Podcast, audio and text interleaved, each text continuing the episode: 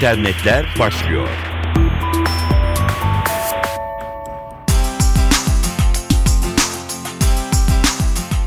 Merhaba sevgili dinleyenler, dijital dünyanın gelişmeleriyle karşınızdayız. Mikrofonda Dilara Eldaş. Uzun süren müzakere süreci tamamlandı. Dünyanın en büyük video paylaşım sitesi YouTube Türkiye ofisini açtı. Ulaştırma, Denizcilik ve Haberleşme Bakanı Binali Yıldırım durumu, dünyanın en büyüğü de olsan bu ülkenin kanunlarına uyacaksın sözleriyle yorumladı. Yıldırım, sakıncalı yayınların mahkeme kararıyla kaldırılmasında artık vakit kaybı yaşanmayacak dedi. Daha önce de aktarmıştık Türkçe hizmetiyle de artık YouTube'un faaliyette olduğunu. Ulaştırma Bakanı Yıldırım süreci anlattı. Bakan Yıldırım, Türkiye'de herhangi bir sakıncalı yayının neşriyatı varsa bunların kaldırılması mahkeme kararlarının uygulanması konusunda çok daha titiz ve bağlayıcı bir durumda olacak ifadesini kullandı. Bakan Yıldırım büyük tepkilere yol açan Hz. Muhammed'e hakaret içeren filmi de örnek gösterdi mahkeme kararını uygulatmak için Türkiye dışındaki merkezlerle masaya geçip onlarla bu işi yapmaya çalışıyorduk. Bu da muazzam bir zaman kaybı oluyordu. Artık bu süreç hızlanacak dedi. İki boyutlu dijital çizimleri plastik ve metalden üç boyutlu nesnelere dönüştüren yazıcılar sanayinin gözdesi. Ancak üç boyutlu yazıcılardan silah da üretilebiliyor olması kaygılandırıyor. Üç boyutlu yazıcılardan 80'li yıllardan bu yana araştırma geliştirme kurumlarında ve sanayide yararlanılıyor. Başta mühendisler ve bilim insanları olmak üzere birçok uzman bilgisayarda dijital ortamda hazırladığı tasarımının çıktısını bu gelişkin yazıcılardan alıyor. Almanya'nın Duisburg Essen Üniversitesi'nden bir haber var. Doçevelle imzasıyla bültenimizde yer verdik zira çığır açan yenilik diye bir kalıp vardır.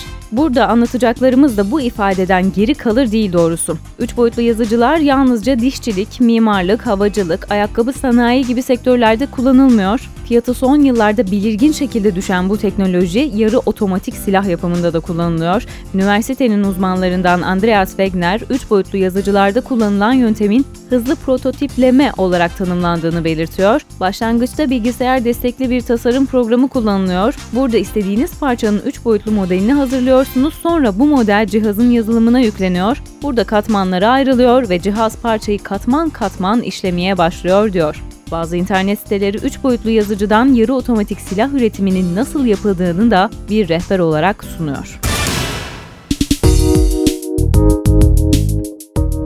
Şikayet var. Firmaların şikayet yöntemi performansını gösteren firma profili sayfalarını tüketicilerinin kullanımına açtı. Firma profilleri sayesinde tüketiciler satın alma kararlarını artık daha kolay verebilecekler. Şikayetvar.com'da bir firmanın şikayet profilini görüntülemek için ilgili firmanın logosuna tıklamanız yeterli. Firma şikayet profili ilk adımda o markanın toplam şikayet sayısı ve cevaplama oranı bilgisini veriyor. İkinci adımda ise firmanın kendi sektöründe şikayet endeks dönemsel raporlarından elde ettiği şikayet yönetimi başarı puanı ve sıralamada kaçıncı olduğu bilgisine ulaşılabiliyor.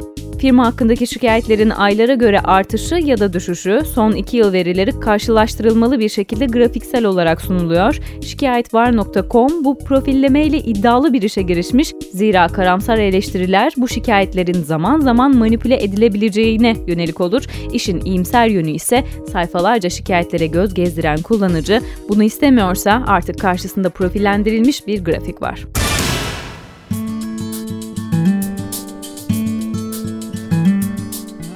Sosyal medyada yeni bir girişim adı Twitter. Yeni bir sosyal medya girişimi olan Twitter, Türkçe olarak yazılımı başında D, I ve V harfleri var. Bildiğiniz Twitter'ın doğası gereği yazılanların bir süre sonra unutulduğu gerçeğinden yola çıkıyor rastgele seçtiği tweetleri karikatürize ederek kalıcı kılmayı hedefliyor. İki genç girişimci tarafından tweet uçar, tweet kalır sloganıyla hayata geçirilmiş. Amacımız her gün karikatürize ettiğimiz tweetlerle tweet sahiplerini gülümsetmek diyorlar. Twitter.com 2 Eylül tarihinde 5 tweet yayına alarak açıldı. Bir aylık serüvenin sonunda aylık 10 bin üzerinde sayfa gösterimine ulaştı ve Twitter'da aynı adla bir hesapları var. Önümüzdeki ay içerisinde de yeni bir tasarımla takipçilerimizle buluşacağız diyorlar.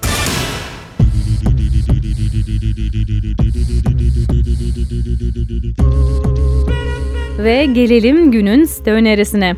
Fonda duyduğunuz şarkıyı ben yaptım. Benim şarkım adını da Dion'da Dance Floor koydum. Bir beatbox grubuyla yaptık. Enstrümansız sadece insan sesi, koro sesi kullandım. Biraz melodi ve bas ekledim ve birkaç ses daha. Nasıl yaptım? www.incredibox.com'la. Incredibox bir incredible, inanılmaz kutu. Telif sahibi So Far So Good siteyi yaratıcılık ve eğlence olarak özetliyor.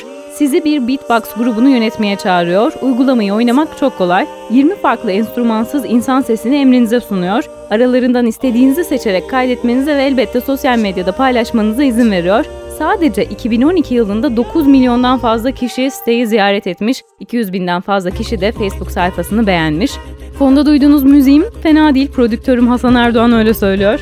Siz daha iyi melodi ve sesler yakalayabilirsiniz elbette. Kutunun adı İngilizce incredibox.com. Siteyi Twitter'dan Cenk Cindibek önermişti. Teşekkür ediyoruz tekrar. Dilara Eldaş Twitter hesabım. Yeniden görüşmek üzere. Hoşçakalın.